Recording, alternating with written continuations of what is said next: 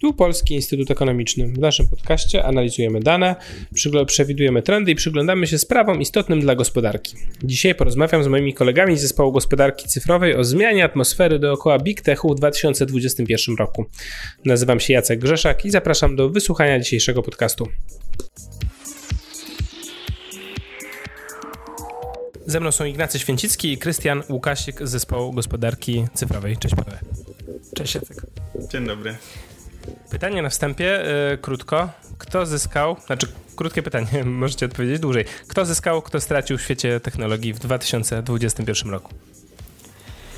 No, moim zdaniem generalnie y, dostawcy czy producenci technologii i usług cyfrowych zyskują y, zarówno y, no, przez pandemię, ale w długim terminie i ten trend też był widoczny w tym roku. Bardziej może postaram się podać jakieś konkretne przykłady. Tym, co mi przychodzi do głowy na pierwszym miejscu, no to są dostawcy chmur obliczeniowych, którzy zdecydowanie w tym roku zyskali. To jest rynek, który się bardzo szybko rozwija i też warto zauważyć po pierwsze, że oni wchodzą w coraz to nowe obszary. Dużo się mówi o tym, jak dostawcy chmury obliczeniowej są zaangażowani w, w, w związki z, z, firmami telekomunikacyjnymi i, w przetwarzanie danych na potrzeby firm telekomunikacyjnych. To jest dla nich dość nowy obszar, ale tutaj bardzo intensywnie y, działają, przejmując w zasadzie coś, co, co kiedyś wydawało się bardzo y, ważną działką telekomu, czyli zarządzanie e, strumieniem danych i ruchem. E, a jednocześnie też warto podkreślić, że w tym obszarze jest e, bardzo duża bezpośrednia konkurencja między e, Googlem, Microsoftem i Amazonem, trzema wielkimi korporacjami cyfrowymi, które często na innych polach działają jakby obok siebie, a tutaj jest, bezpośrednia konkurencja między tymi trzema gigantami. Więc to jest jedna, jedna działka, która zyskała. Innym Yy, można być przedmiotem, który zyskał w moim odczuciu bardzo, to jest mikroprocesor. To jest coś, o czym yy, rok temu czy dwa lata temu właśnie mało ktoś tym, tym, tym, interesował, tak? Czy my w samochodzie mamy więcej e, cyfrowych narzędzi, czy mniej? Więcej oczywiście było lepiej, im więcej było rzeczy zdalnych, sterowanych automatycznie, tym było lepiej. No nagle się okazało, że to stanowi pewien problem i teraz przez bardzo małą część wartą kilka czy kilkanaście dolarów nie mogą powstawać samochody warte kilkadziesiąt tysięcy dolarów i nagle wszyscy mówią o mikroprocesorach. Komisja Europejska Polska wykłada pieniądze po to, żeby budować w Europie nowe fabryki. Tak samo Stany Zjednoczone. Są naciski e, polityczne na, na Tajwan, żeby kierował produkcję do, e, powiedzmy, do, do firm europejskich, a nie do, do firm azjatyckich. Więc to jest zdecydowanie e, temat, który jest teraz na okładkach, który wcześniej był zupełnie niewidoczny. Y, z, jeszcze moim zdaniem zyskuje, y, już może wracając do konkretnych filmów, zyskuje też, y, też koncern Apple, który bardzo się mocno promuje, jeżeli chodzi o ochronę prywatności użytkowników, wprowadzając reformy tego, kto może pobierać jakie dane o użytkownikach urządzeń Apple.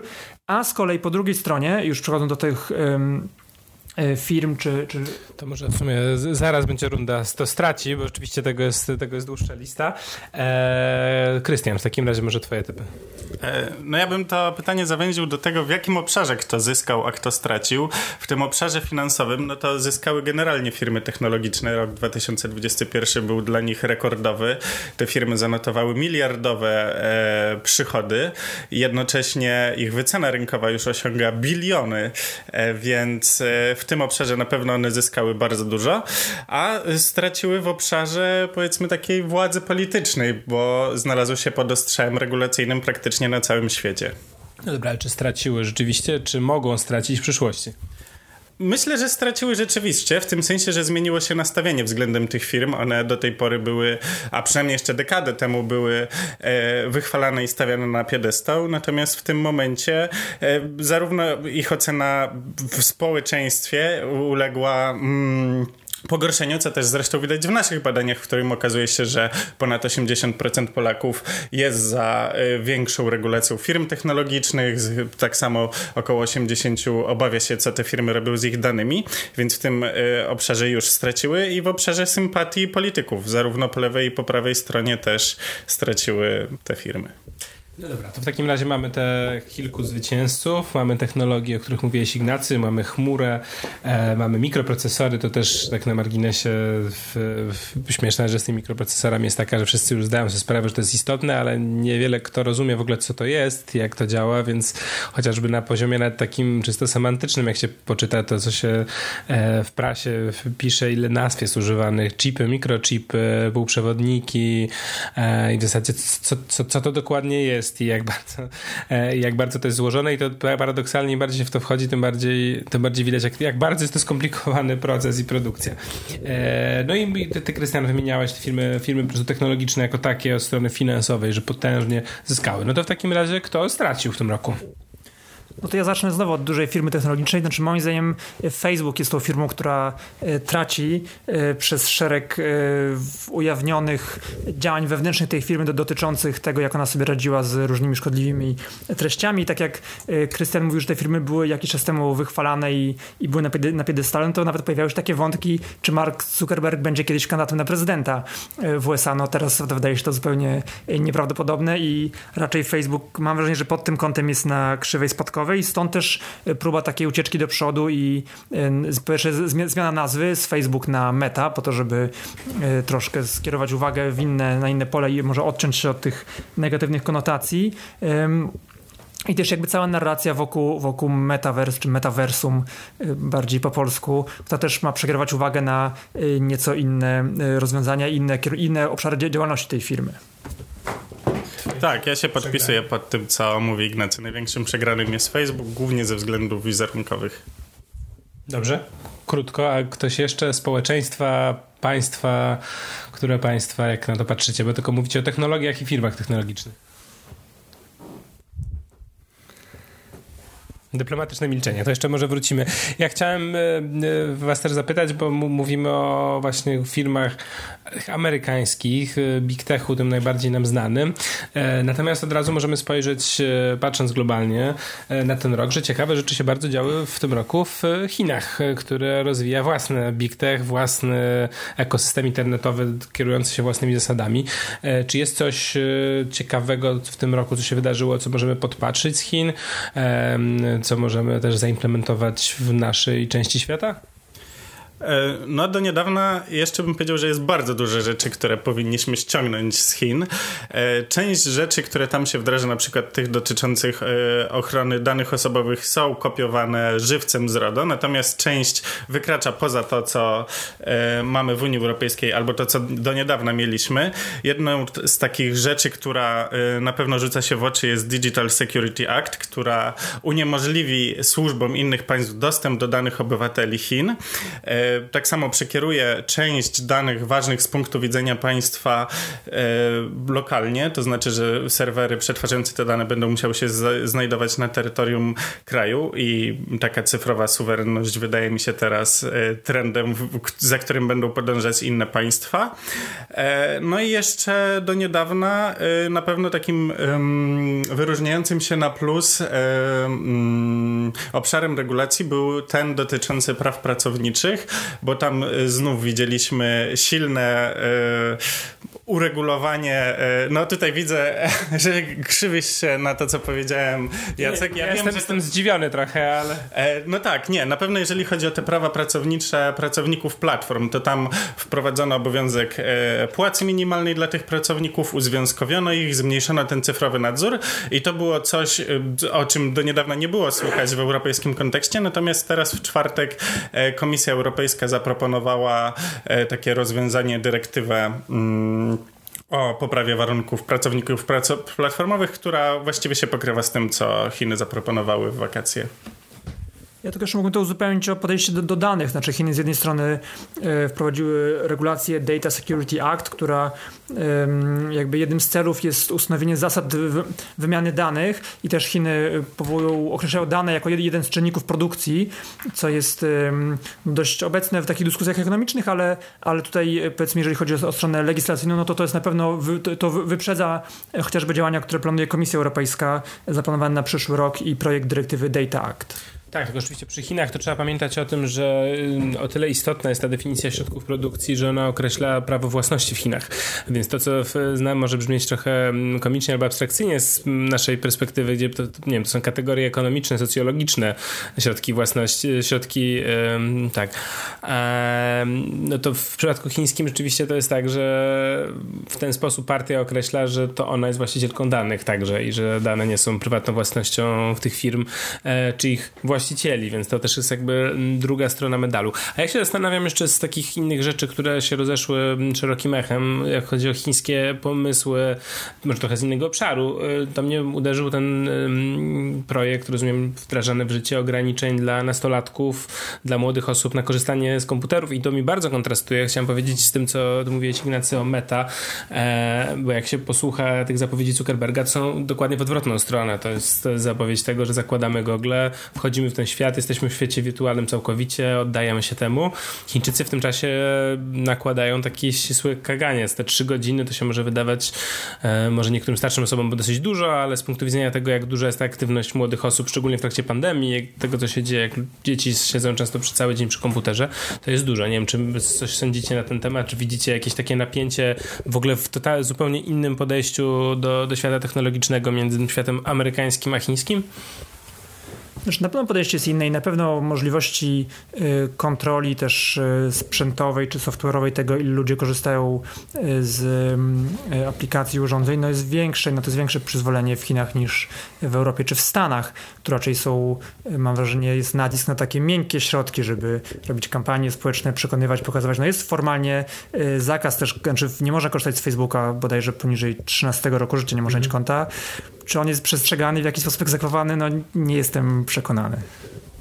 Tak. E, no część z tych ustaw idzie dość daleko. W tym sensie nie też na przykład się wlicza zakaz fanklubów online dla y, chińskich celebrytów, co wydaje mi się już daleko posuniętym rozwiązaniem i bardziej wynikającym nie z troski o dobrostan dzieci, a być może o y, lęk przed y, podważeniem autorytetu chińskich władz ze strony celebrytów, którzy mają bardzo szeroki oddźwięk w społeczeństwie. No i jakby to też pokazuje, że niekoniecznie te wszystkie regulacje są e, tylko i wyłącznie wyłącznie dobrą wolą partii, która kieruje się dobrostanem społeczeństwa i pracowników, ale chodzi też o taką grę o władzę, o przekierowanie tych danych, które są bardzo wartościowe i bardzo użyteczne z rąk korporacji w stronę partii, e, co też pokazuje, że ta strona społeczna, której nie ma w Chinach, jest bardzo ważna, jeżeli chodzi o tego typu zmiany.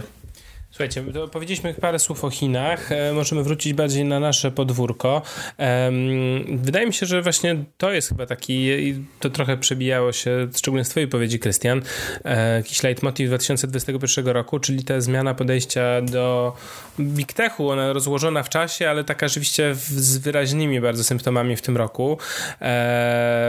E, właśnie na poziomie globalnym, bo dotyczącym zarówno tego świata amerykańskiego, jak i chińskiego, no to spójrzmy na nasze podwórko. Są procedowane już od ponad roku, bo pierwsze projekty były, z tego co pamiętam, na samej końcówce zeszłego roku jeszcze przedstawione.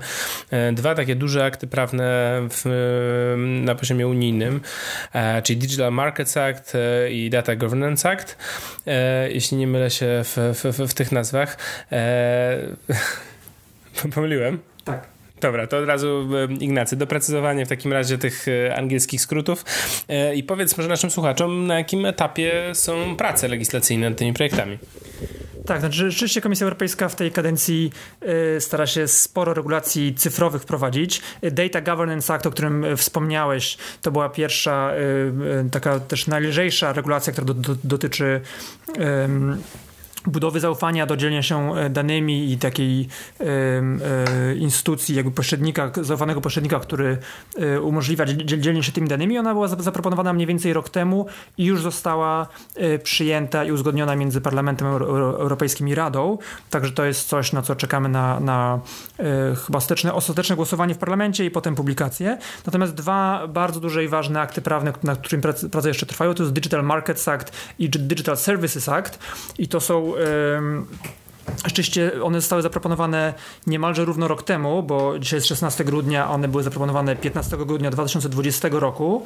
I one mają na celu no, bardzo mocną modernizację reguł, na jakich działają e, największe platformy internetowe, zarówno jeżeli chodzi o to, e, jak są powiedzmy prezentowane treści, e, a jak też o to, jakie są reguły gry na rynku, znaczy co wolno firmom cyfrowym robić w stosunku do swoich konkurentów, a czego im nie wolno.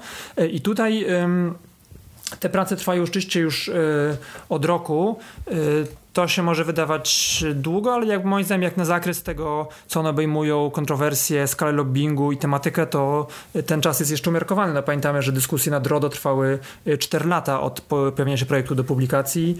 E, nad dyrektywą o prawach autorskich ponad, ponad 2 lata od projektu do publikacji. Tutaj po roku jesteśmy na takim etapie, gdzie Rada Unii Europejskiej przyjęła swoje wersje poprawek do tych wyjściowych propozycji, zarówno do Digital Markets Act, jak i do Digital Services Act. E, natomiast jeżeli chodzi o Parlament Europejski, to y, też zdaje się wczoraj, 15 grudnia, y, została przyjęta y, wersja Digital Markets Act, którą proponuje parlament. Natomiast Digital Services Act, czyli DSA, ma być przyjęte w styczniu. I od momentu, jak te projekty zostaną przyjęte przez Radę Unii Europejskiej, to już miało miejsce i Parlament Europejski, no to rozpoczynają się negocjacje w tak zwanych trilogach, czyli negocjuje Rada Unii Europejskiej, czyli państwa członkowskie, Parlament Europejski i Komisja negocjują finalną, finalny tekst tej regulacji. No i tutaj ciężko ciężko powiedzieć, ile, ile to będzie trwało. No to może trwać, e, w przypadku RODO to było, z tego co pamiętam, bardzo długo. W przypadku dyrektywy o prawach autorskich to było niecałe pół roku chyba.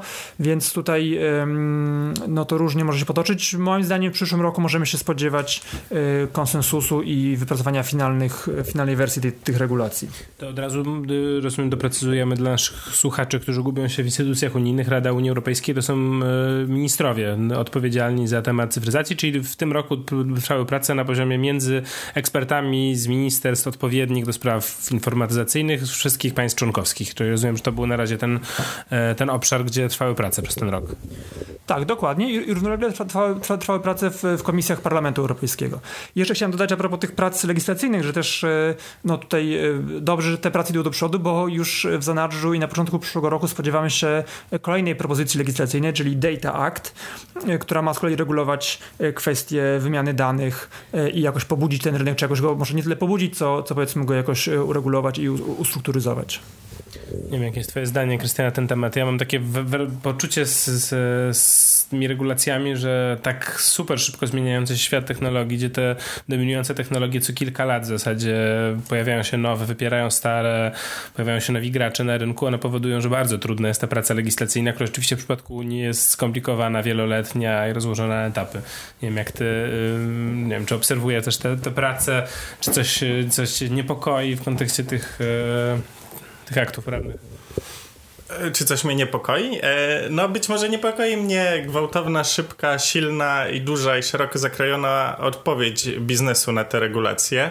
E, w tym sensie jest to trudne, że te firmy mają praktycznie nieskończone środki na zatrzymywanie tych ustaw, na przekonywanie polityków i różnego rodzaju decydentów, a poza tym to jestem ich wielkim zwolennikiem. Więc jakby wewnątrz ich treści nic mnie nie niepokoi. niepokoi to może jeszcze w takim razie, y, bo tak powiedzieliśmy sobie, co się wydarzyło przez ten rok, to jeszcze może, w, mm, jeśli byście naszym słuchaczom wytłumaczyli y, te kluczowe propozycje, które tam są. O, o co oczywiście w tym chodzi, bo można się poplątać w tym, no, tak jak mówiłeś, Ignac, są te dwa, e, dwa kluczowe DMA i DSA, ale w tle jeszcze właśnie Data Act, Data Governance Act, więc jakby dużo jest tych, ale co, co konkretnie nam to ma zmienić?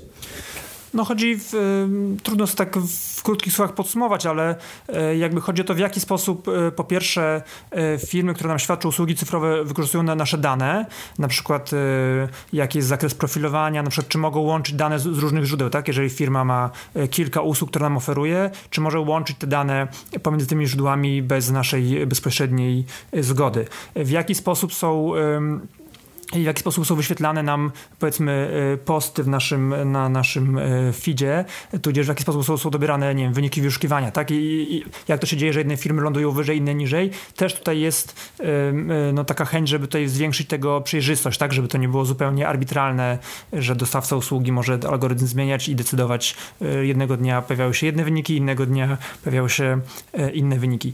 Z drugiej strony, jeżeli chodzi o kwestie też konkurencji, no to to jest y, kilka ważnych kwestii, które, co ciekawe, mam wrażenie, że jest podobne spojrzenie już teraz w Stanach Zjednoczonych i w Europie na, na te główne problemy.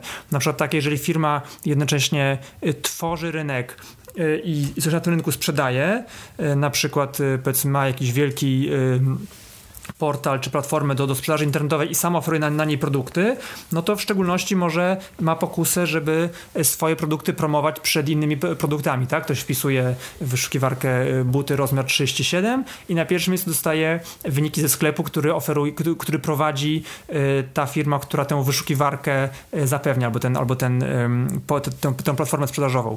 I to jest jakby jeden przykład czegoś, co można by uznać za jakąś nieuczciwą konkurencję. Inny jest taki, że firma może też wykorzystywać dane o tym, co sprzedają konkurenci, w jakich cenach i jakiej jakości, po to, żeby lepiej y, pozycjonować swoje produkty, tak? Obniżyć ich cenę powiedzmy o, o 5 groszy niżej niż u konkurencji, tak? Wtedy więcej klientów skierować do swoich produktów.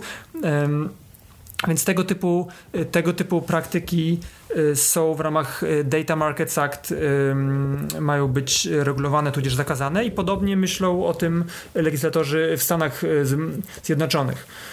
Tak samo innym e, tematem, który się pojawia, tu akurat mocno też w USA, jest kwestia interoperacyjności, znaczy tego, czy my korzystając z jednej platformy, dajmy na to z jakiegoś medium społecznościowego, gdzie mamy swoje dane i kontakty, czy możemy się przenieść do innego tego typu rozwiązania, tak? Czy możemy się przenieść między gronem a naszą klasą, albo między Facebookiem a nieistniejącym już Google+. Tylko rozumiem, rozumiem doprecyzuję, bo pytałem cię o te zapisy w, w unijnych dokumentach, tego rozumiem nie ma. Interoperacyjności wymogu nigdzie na razie nie ma w, w DMA ani w DSA.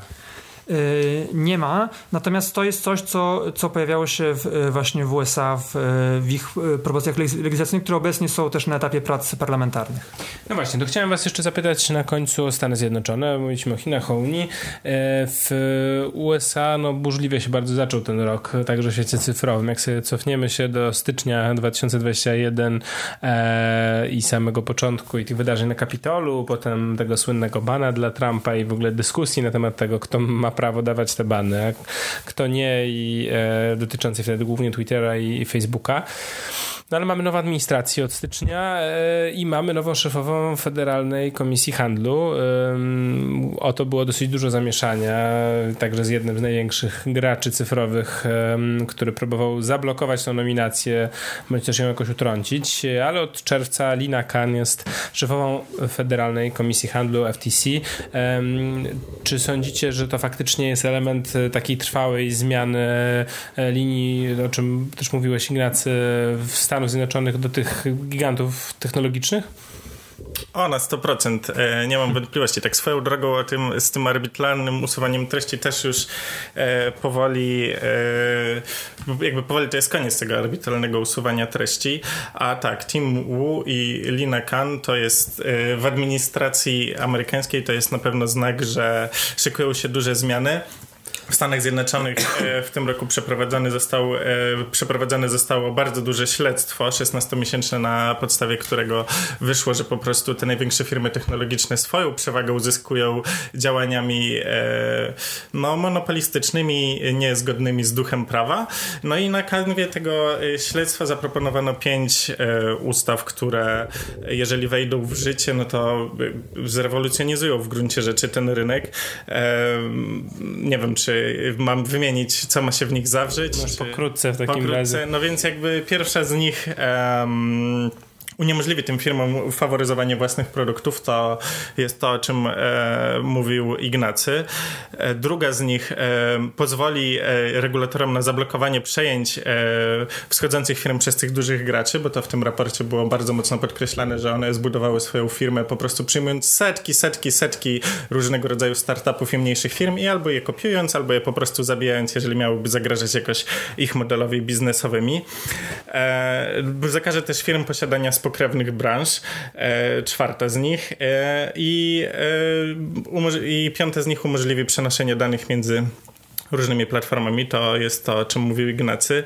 No więc możemy sobie wyobrazić przyszłość, w której być może Amazon nie będzie mógł sprzedawać Kindle na swojej platformie, Google nie będzie mogło pokazywać wyżej w wynikach swoich e, wyszukiwań to też swoją drogą był e, początek tych, e, tej przemiany, w sensie pierwszą taką dużą karą, którą dostała firma technologiczna, to był rok 2010 i e, z tego co pamiętam, to właśnie Google się obrywało e, już tam około dwóch, tak, dwumilionową e, karą za faworyzowanie z Google Shopping w wynikach wyszukiwania. No i wtedy Unia Europejska była oskarżana o protekcjonizm i o być może jakieś skrzywienie, czy jakieś wrogie nastawienie względem firm technologicznych spoza Unii Europejskiej, co swoją drogą może być po części prawdą. W sensie pytanie jest, czy gdyby Google, Facebook e, miały siedziby w Brukseli, to tak samo Komisja Europejska byłaby ostra względem nich nastawiona. No ale teraz już to pytanie właściwie jest jest e, nieistotny, bo gdzie nie spojrzymy, czy to są Indie, Australia, Chiny, Stany Zjednoczone czy Unia Europejska, to to nastawienie wydaje się być dość podobne i ono wynika po prostu z tego, że na przestrzeni ostatniej dekady sobie zdaliśmy sprawę, jak dużym zagrożeniem są e, jest taka koncentracja władzy w rękach tak niewielu. I tu nie chodzi mi tylko o sam kapitał, który oczywiście też jest jakby bez precedensu i Big Oil czy Big Tobacco nie ma podejścia do Big Tech, ale też chodzi o władzę nad tym, co e, ci ludzie mm, y, obserwują, y, jakie treści dostają, w jaki sposób kupują.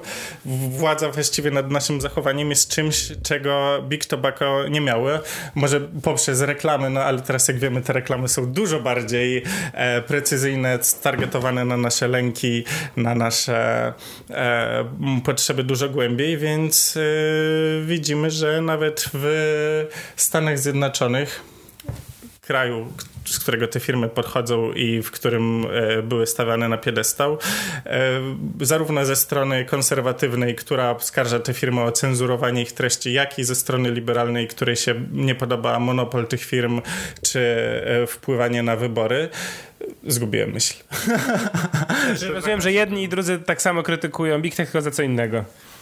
To łatwe no, rzecz, nie? nie? wiesz co, właściwie chodzi mi o to, że e, jest tak dużo obszarów, w których te firmy zaczęły broić i zarówno od tej strony e, społecznej, nastawiania różnych grup etnicznych e, przeciwko sobie, w sensie nie mówię, że te firmy to robią, ale ich algorytmy w jakiś sposób podsycały takie kontrowersyjne treści.